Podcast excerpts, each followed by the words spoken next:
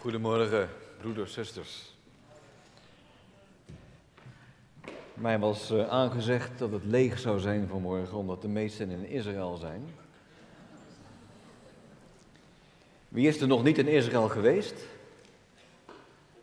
Nou, dan is nog drie of vier reizen te gaan.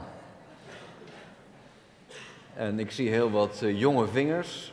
Dus als u zo doorgaat, dan blijven de reizen doorgaan met uh, de jonge generatie die ook uh, daar kan zijn. Wij gaan vanuit de schrift kijken naar iets waar Engedi in voorkomt. En de groep die gaat vandaag naar Engedi.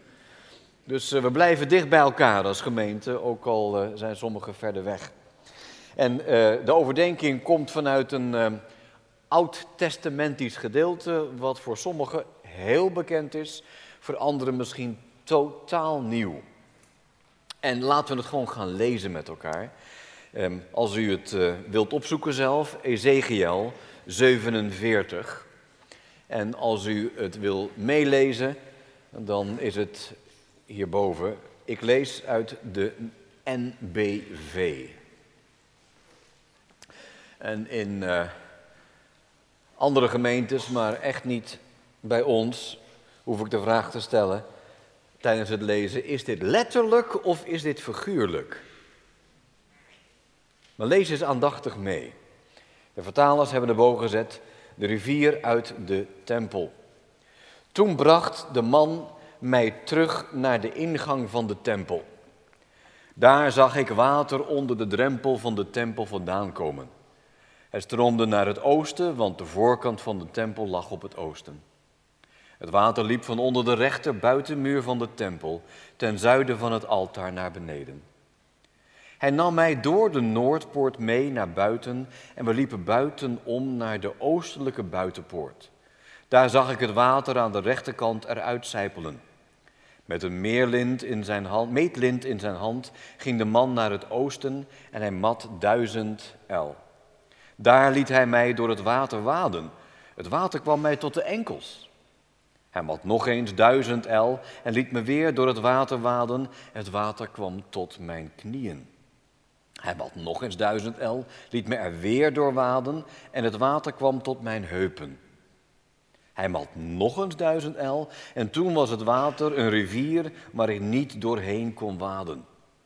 Het water was zo hoog dat je alleen erin zwemmen kon. Het was een ondoorwaadbare rivier. De man zei tegen mij: Zie je dat, mensenkind? En hij liet mij terugkomen op de oever van de rivier.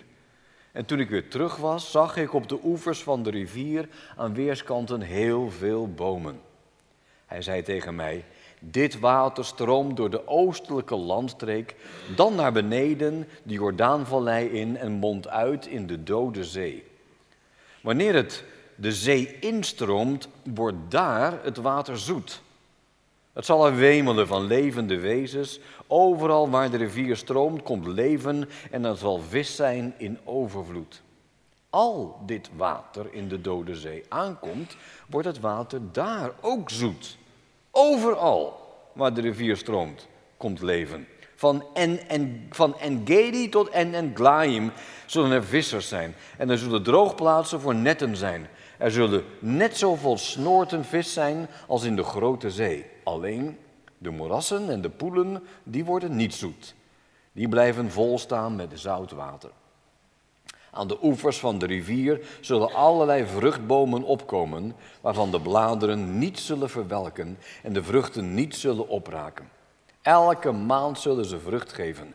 Het water stroomt immers uit het heiligdom. De vruchten zullen eetbaar zijn en de bladeren zullen geneeskrachtig zijn. En zo zou ik verder kunnen lezen. En eigenlijk had ik ook het stuk hiervoor moeten lezen, dan hebben we het verband. Maar dit is voor sommigen een heel bekend gedeelte, toch? De tempelbeek. En als je de vraag stelt, is dit letterlijk of figuurlijk? Dan zegt u meteen letterlijk, dit gaat echt gebeuren. En anderen die niet zo bekend ermee zijn, die denken, nou, dat is nogal in detail.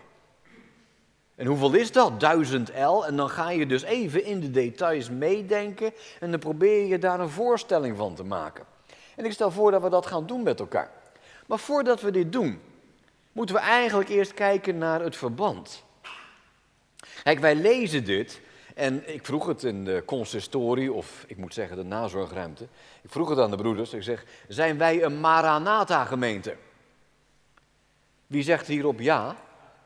Mag ik even de vingers zien? Zie je, dat is meten. Meten is weten. Wie zegt nee? Niemand. Wie zegt ik weet het niet? Wie is er niet? ik heb nog steeds een heleboel vingers niet gezien. En, en sommigen denken, wat is dit, Maranatha? En Maranatha is eigenlijk zo'n kreet en in sommige gemeentes klinkt dat haast elke zondag. Wij geloven in de wederkomst van de Heer. Wij hebben hoop, een levende hoop. En dat wordt ook vaak vertaald met elke zondag bidden voor de vrede van Jeruzalem. Daar is iets van ons met een, met een volk en met een land. Niet alleen omdat daar de Bijbelse verhalen plaatsvinden. Zeker ook. Hè, dat is wat zo'n reis mooi maakt. Omdat je opeens niet in een boek wat indrukken krijgt via plaatjes. Maar dat je driedimensionaal ben je in Israël. En realiseer me, hier heeft onze Heer gelopen.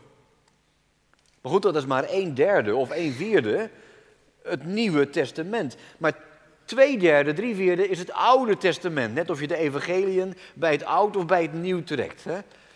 De evangelie waar de Heer liep, dat was nog zo vol van alles uit de wet en, en uit de Torah. En men verwachtte toen ook het koningschap van Israël. En dat is iets wat sommigen van ons zo diep raakt. Bij mij is dat zo, omdat toen ik tot geloof kwam, 73, 74, waren de eerste dingen die ik bestudeerde het profetische woord. Ik vond het onvoorstelbaar dat je het Oude Testament kon openslaan en er stonden voorspellingen in die ook gingen gebeuren. Was voor mij aanleiding voor mijn eigen studie. Daarom ben ik theologie gaan studeren, omdat ik op mijn middelbare school allemaal docenten tegenkwamen, die noemden zich godsdienstdocent, en die namen de moeite om mij uit te leggen dat al die voorspellingen geen voorspellingen waren, omdat het allemaal later was geschreven. En dat het allemaal niet zo letterlijk genomen moeten worden. En, en toen wilde ik het weten. Ik wilde het weten tot in detail. En ik weet nog, Hal sommigen heel bekend, conferenties van hem bijgewoond. En allemaal studeren. Studeren wat nu de voorspelling is van. En toen viel mij op dat het iets met je doet als je ermee bezig bent. En als ik dat nu probeer te pakken, misschien past dat ook op u. Als je zegt, Gods hand werkt in de geschiedenis. Het verhaal van onze wereld wordt door God geschreven. Waar zie je dat dan vooral gebeuren? Wij zeggen dan vaak in Israël. Maar dat zeggen we niet omdat we het zien, toch? We zeggen het omdat we het geloven. Alhoewel, wanneer hebben wij het gezien? In 1948. Toen, ondanks alle gebeurtenissen, het volk weer terugkwam in het land. En als we dan dat, omdat het voorspeld is, ook hebben zien gebeuren, sommigen van ons leefden toen, anderen, de meeste van ons, die weten het uit de boekjes. Israël is voor ons eigenlijk vanzelfsprekend. Maar als je iets meemaakt wat niet was en dan gebeurt en het is voorspeld. Maar er is nog iets. Want die voorspellingen komen uit het Oude Testament. Twee derde van de Bijbel, van Gods woord, drie vierde van de Bijbel zit met die voorspellingen. Onze Heer heeft ook voorspeld. Hij voorspelde en geen steen wordt op de andere gelaten. En toen sprak hij van de tempel en hij sprak van Jeruzalem.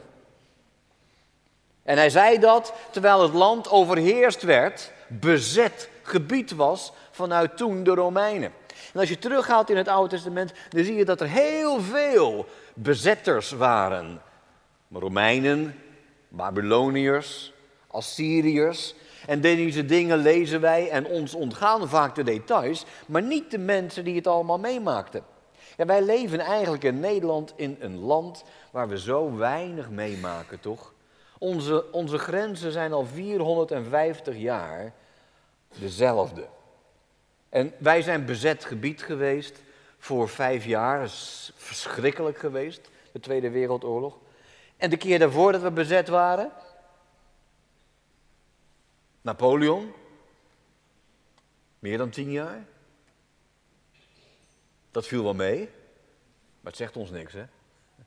Maar die grenzen zijn toen niet veranderd. En als je op de middelbare school nu geschiedenis krijgt, dan zie je dat dat allemaal, wanneer waren wij echt bezet gebied? Was het bezet? Het voelde als bezet. Toen kregen wij de akte van verlatingen. Nu begint het ons wat te zeggen. Hè? We zijn een gek volk, hè? dat we eigenlijk opeens gaan nadenken over vroeger. En dat we opeens zo'n document belangrijk gaan vinden. Waarom? Wij zijn er niet mee bezig omdat onze grenzen zo stabiel zijn. Maar zodra je, ik weet niet of u op vakantie gaat naar Zuid-Europa, ik weet niet of u zo ver gaat als Kroatië. Maar er zijn er onder ons, die gaan daar naar de kust om van zon en van zee te genieten. En dan, als je een uitstapje maakt naar Albanië, als je een uitstapje maakt naar Bosnië, dan kom je in gebieden waar het net allemaal enorm gewelddadig is geweest. Het komt dichterbij, omdat de wapens uit die periode nu ook gebruikt worden in Nederland voor de liquidaties die we dan nu op ons. Maar, maar, maar die onrust, van daar hebben wij nog amper hier. Bij ons komt het dichterbij wat uit andere regio's in het Midden-Oosten gebeuren vanwege de vluchtelingen. Maar, maar hoe dichtbij komt het? Wij zijn er niet bij stil. Maar als je zelf komt uit een ander land waar geweld was. Als je komt in een gebied waar. Dat was voor Israël achter elkaar het geval. Strijd. Strijd. En in die tijd ga ik u meenemen. En die voorspelling over Jeruzalem en wat er gaat gebeuren, wordt uitgesproken tegen mensen die niet alleen denken van, oh wat leuk die toekomst. Dat zijn mensen die te midden van lijden horen dat de toekomst beter gaat worden. Dat de toekomst anders gaat worden. Waar geweld plaatsvindt, waar de profeten, de predikanten zeggen. En daarom gebeurt het en dit moeten we doen. Het is een tumult. Ik vind het onvoorstelbaar, reizend, nu ook in Afrika, maar daarvoor in Oost-Europa, dat de rest van Europa en zoveel van Afrika al die grenzen niet vanzelfsprekend waren. Hoeveel geweld er niet in deze wereld plaatsvindt. En voor de meeste van ons is dat toch iets wat je alleen maar met een televisiescherm ziet, waar of niet. En de neiging bij ons is om op het moment dat die dingen komen, om dan even op de pauzeknop te drukken en even koffie of thee te zetten, weet je wel? Want het begint je ook minder te raken. Het blijft ver weg. Pas als het hier ook gebeurt, dan pakken wij iets. Wat voor de lezers van ook Ezekiel zo aan de orde is. U weet die periode van het koninkrijk van Israël? Toen het nog niet was weggevoerd, de tweede keer. En u weet van de eerste keer dat ze is weggevoerd. De derde keer heeft de Heer voorspeld. Onder de Romeinen. Verwoest. De tweede keer, dan hadden we profeten als Jeremia en Ezekiel en Daniel. En de eerste keer profeten als Hosea, Jezaja, Micha. We hebben daar, als we even meegaan met de groep die nu in Engedi komt. En Engedi is de plek waar David heeft geschuild voor Absalom en voor Saul. Daar in die spelonken, dat was een oasis. Een van de weinige plekken waar het zo droog is, waar water was, levend water. omdat de natuur daar kon bloeien, ook als het niet regende. En het regende in Israël niet zes maanden, zeven maanden, acht maanden lang. Droge tijd. Veel langer dan wij hebben meegemaakt. En dan zijn er die vaste vroege regens en die vaste late regens. Dat is het Israël van toen. Dat is de natuur van Israël van toen. En God zei, ik breng jullie naar het beloofde land. Land vloeiend van melk en honing. En dan zie je het volk daarheen gaan en uiteindelijk krijgen ze een koning. En de eerste koning is Saul. En de tweede koning is David. En de derde koning is Salomo. En, en, en die periode van het enkele koninkrijk hier, met die drie koningen, is een geweldige tijd van vrede. Maar die eindigt na Salomo als het in Noord en in Zuid uiteengaat. En het Noordrijk, dat wordt vaak Israël genoemd. Maar ook vaak Ephraim, naar een van de stammen. En het Noordrijk, dat eindigt in, nou nog geen 200 jaar Met allemaal slechte koningen. En het eindigt met een Assyrische bezetting, nee, een Assyrische wegvoering van het Samaria en het hele Noordrijk. Terwijl het Zuidrijk, hè, vaak Juda genoemd, naar een van de stammen, heeft dan nog anderhalve eeuw voordat zij worden weggevoerd. En als zij worden weggevoerd, na al die tijd van geweld, bezetting, is de eerste kleine groep die weggaat een aantal van de aristocraten, waaronder Daniel. En dan de tweede groep die weggaat, heeft een veel grotere groep met zich. En daar waren ook de profeten, enkele profeten onder. En die tweede keer, dat was Ezekiel. En Ezekiel is dus weggevoerd met velen. En die hebben dus bloed gezien, die hebben geweld gezien. En die komt daaraan in, bij Babel. Duizend kilometer verderop. Daar zijn ze vreemdelingen, vluchtelingen. Zoals onkelen van ons dat kennen uit ervaring. Toen was het volk Israël een vluchteling. En een van hun predikanten die preekte tegen de mensen was Ezekiel. En we hebben bladzijden lang vol van zijn preken, maar zijn preken zijn heel bijzonder. Want deze man die, die werkt als het ware zo beeldend dat je kunt zeggen hij was een journalist. Want God gebruikte hem gaf hem visioenen om te laten zien aan de ballingen, aan de vluchtelingen, wat er gebeurde in het beloofde land, wat al lang niet meer vloeide van melk en honing. Waar het chaos was, waar het geweld was.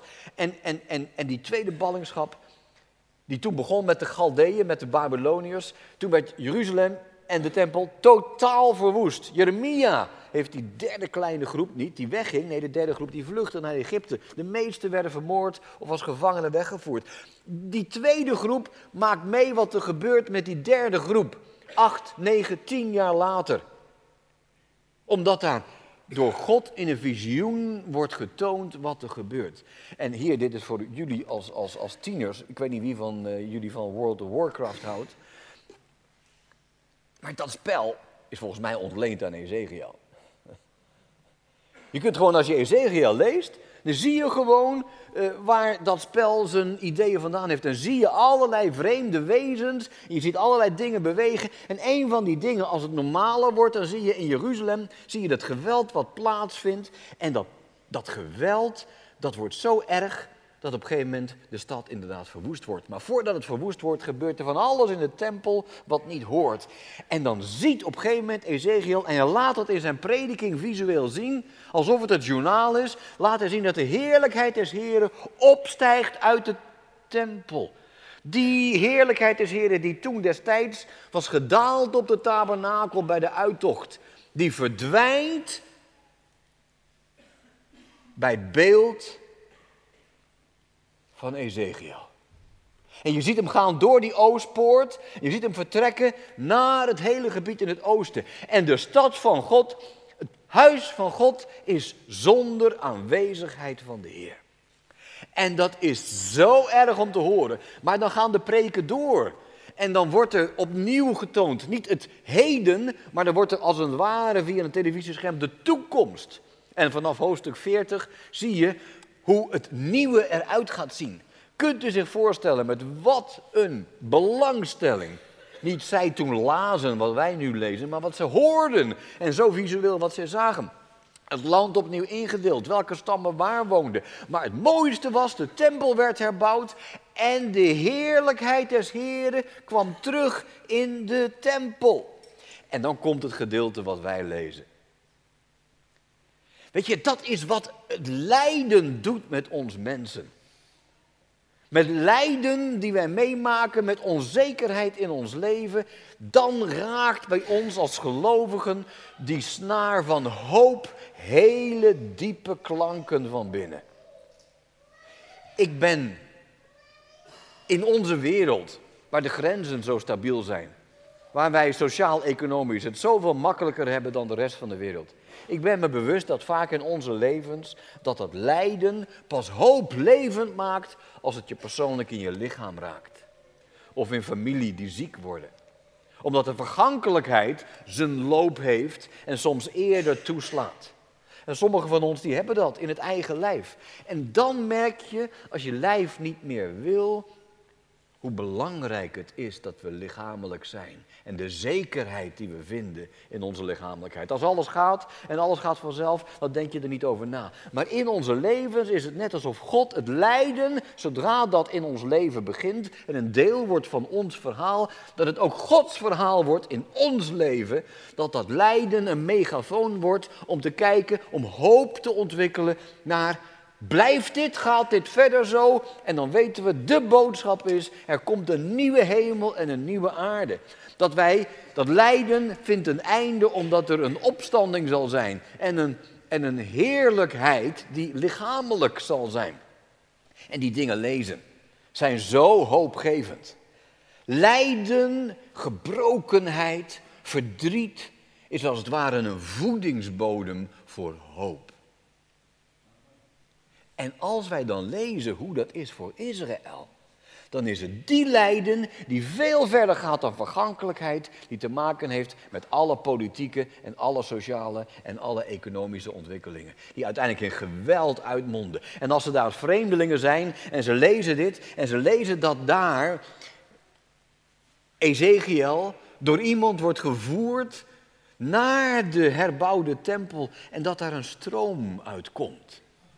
En 1000 L, ik heb dat dan nagekeken, hè, dat is pas uh, 600, 700 meter is dat, is pas een officiële maat geworden in de Napoleontische tijd in Nederland. Hebben we dat ook een tijd gehad. Geen meters, maar L. En de Bijbelse L is meer 600 meter hier, die 1000 L. Dus kunt u zich voorstellen dat hij dan uit de Oostpoort zo'n stroom is die zo breed wordt, dat hij naar 1000 L, eerst tot hier, dan tot hier, dan tot hier, zo diep wordt hij. Als nu dan, aan het einde van de droge tijd, als de groep in Israël is, dan noemen ze dat tegenwoordig wadis, als het droog is. U kent de term, hè? Een droge rivierbekken waar niks in is. En dan begint de regen en dan gaat het stromen. En wadis worden dan woeste rivieren. Maar dit is niet zomaar een woeste rivier. En dit is een, een, een rivier die er niet was. Die niet water uit de hemel krijgt, die door regen valt, maar water die komt uit het heiligdom.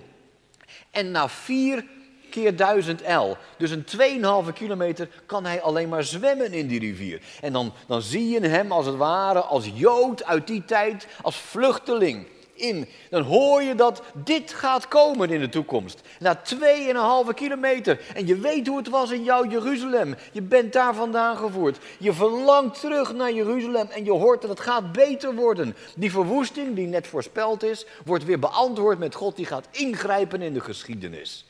En dan is daar een rivier waar Ezekiel weer uitkomt. En dan blijkt aan beide kanten bomen te zijn. En die geven zoveel vrucht maar het meest onvoorstelbare is dat die rivier overal leven geeft, met name in de Dode Zee. Ik kan u voorspellen dat u bent er geweest, maar die groep die er nou is, die wordt allemaal uitgenodigd om vandaag te gaan zwemmen in de Dode Zee. En dat kan niet. Je kunt niet zwemmen in de Dode Zee. En u weet waarom? Het is zo zout dat je hoopt dat er geen druppel water in je ogen komt. En als je maar dit doet, je zit bovenop het water, je zit niet in het water. Dat is de dode zee. Weet je, het Israël. Eigenlijk als u nog niet geweest bent en u gaat over een jaar met de gemeente, doe mij een lol, allemaal een vouwfiets meenemen. We gaan het echt als Hollanders doen, toch? Op de fiets. Dus dan kom je op Ben Gurion Airport aan en dan, dan, dan, dan heb je je vouwfietsje en de koffer achterop, moet je wel een rugzak nemen en dan gaan we naar Jeruzalem. Weet u hoe dat is? Dat is dus vanaf de kust naar Jeruzalem moet je zo omhoog. Zo omhoog, 800 meter omhoog. Hoeveel versnelling heb je daarvoor nodig? Vier? Jij doet het met vier. Dat is een stevige. En dan zit je 800 meter hoog en dan ga je binnen 20 kilometer hemelsbreed ga je naar beneden. En als je naar beneden gaat, dan kom je uit bij de Dode Zee. Dat is 1000, 1100 meter wat je daalt. En de Dode Zee is 300 meter, 350 meter onder de zeespiegel. En de Jordaan die mondt daarin uit. Maar het is daar zo heet, zo ontzettend woestijnachtig, dat al het water verdampt en het loopt dood. Dus die zee is dood, daar kan niks in leven. Nou, u en ik, wij wonen daar niet. Maar de Jood van toen, die als vreemdeling in Babylonië is, die hoort wat er gebeurt. De dode zee wordt zoet door die rivier. Er kunnen weer vissen. Visnetten worden uitgelegd in Engedi. Nou, ze kunnen als groep daar vandaag naar zoeken, ze vinden het niet. En in Englaim, we denken dat het het noordpuntje is van de Dode Zee. Er wordt gevist op één klein plek na waar de zoutwinning blijft doorgaan, wordt het allemaal levend. Die voorspelling, sommigen die weten het zeker, dat is het duizendjarig rijk. Anderen zijn helemaal niet bezig op die manier om te kijken naar de toekomst. Maar het maakt niet uit, want wij moeten die schoenen aantrekken, de sandalen aantrekken. Van de Jood die daar dit hoort als Ezekiel het verkondigt. Die precies weet wat er bedoeld wordt. Die zich geen moment afvraagt of het letterlijk of figuurlijk is. Die leest dat en die denkt onvoorstelbaar wat de toekomst. En wat geeft dat een heimwee terug naar Jeruzalem voor hen. Eigenlijk een heimwee naar de toekomst. En daarmee hebben wij de kern te pakken. Die voor een Jood zo concreet ingevuld was. In Jeruzalem en de vrede van Jeruzalem. Die voor ons, sommigen heel erg ook met Jeruzalem te maken hebben. Anderen die, die kijken wat meer in het algemeen. Maar zodra lijden dichterbij komt, beginnen wij in die schoenen te staan van de Joden van toen. En hoe het profetische woord en voorspellingen op hen effect hadden. Broeders en zusters mooie van het nadenken over de toekomst, over Israël, is dat God zijn hand heeft in deze wereld. Toch? Maar we zien de meeste dingen nog niet gebeuren. En het ligt allemaal nog ver voor ons of dichtbij voor ons. En de een denkt het is morgen en een ander die denkt dat het wat langer duurt. Het maakt niet uit, maar die hoop, die heimwee, niet naar een verleden, want wij zijn veel rustiger en gezonder. En, maar die hoop voor hen wel naar een verloren verleden, die gaat vooruit naar een toekomst. Die heimwee naar die toekomst wordt gevoed door alles wat daarover voorspeld wordt door de Heer. En ik weet niet waar u in wil zoomen in uw eigen studie. Maar als u Ezekiel nog nooit gelezen heeft, Ga er eens doorheen. En dan moet je niet één bladzij per dag lezen. Dan moet u tien bladzijden per dag lezen. Lees het eens en ga dan met de vluchtelingen zitten. En, en, en heb het lijden op uw netvlies wat zij hebben meegemaakt. En lees dan met hen mee alles wat als een journaal wordt verteld wat er gebeurt in hun eigen land, hun thuisland. En dan die momenten dat de voorspellingen volledig zijn over de toekomst. En voel het met hen. En misschien dat dat jeuk geeft, verlangen geeft om veel meer te studeren in de profeten, in het Oude Testament en al die voorspellingen over de toekomst. En sommigen die willen dat in detail weten, anderen die pakken gewoon inderdaad steeds de impact, steeds het effect daarvan. Er is hoop. Hoop. En onze hoop is een heimwee naar de toekomst die in Gods hand is. Ik vroeg het dus aan het begin of wij een Maranatha-gemeente zijn. En voor sommigen is het uh, nog steeds hetzelfde antwoord. Maar ik hoop dat dat voor iedereen is dat u hoop als een wezenlijk deel van uw geloofsleven ervaart. Vaak leggen wij in onze predikingen, in onze bijbelstudies accent op liefde. Contact onderling, contact naar buiten. Wat we betekenen voor anderen die lijden. Liefde in hier en nu. Of geloof, hoe ons gedrag bepaald wordt door de dingen waarvan we weten, zo hoort het, zo wil God het. Maar naast geloof en liefde is daar ook hoop. Hoop als een wezenlijk onderdeel van ons geloofsleven. Amen. God heeft alles in zijn hand, ook al ervaren wij het niet. En de zekerheid komt uit het profetische woord. En soms zien wij de dingen al gebeuren voor onze ogen. Mooi is dat, hè? Dus, wie gaat er mee volgend jaar met de reis naar Israël?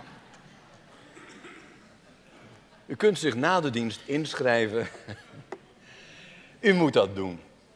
Maar doe het niet voordat u Ezekiel gelezen hebt, voordat u Jezaja gelezen hebt, voordat u Jeremia gelezen hebt en voordat u het geplaatst hebt in de context van toen. Akkoord? Laten wij ons verdiepen in het profetische woord wat ons zoveel hoop geeft een heimwee naar de toekomst. Mag ik u voorgaan in gebed? O Hemelse Vader, wij geloven dat U de God bent die boven alles troont. U die stond aan het begin van deze wereld, U die zult staan aan het einde van deze wereld.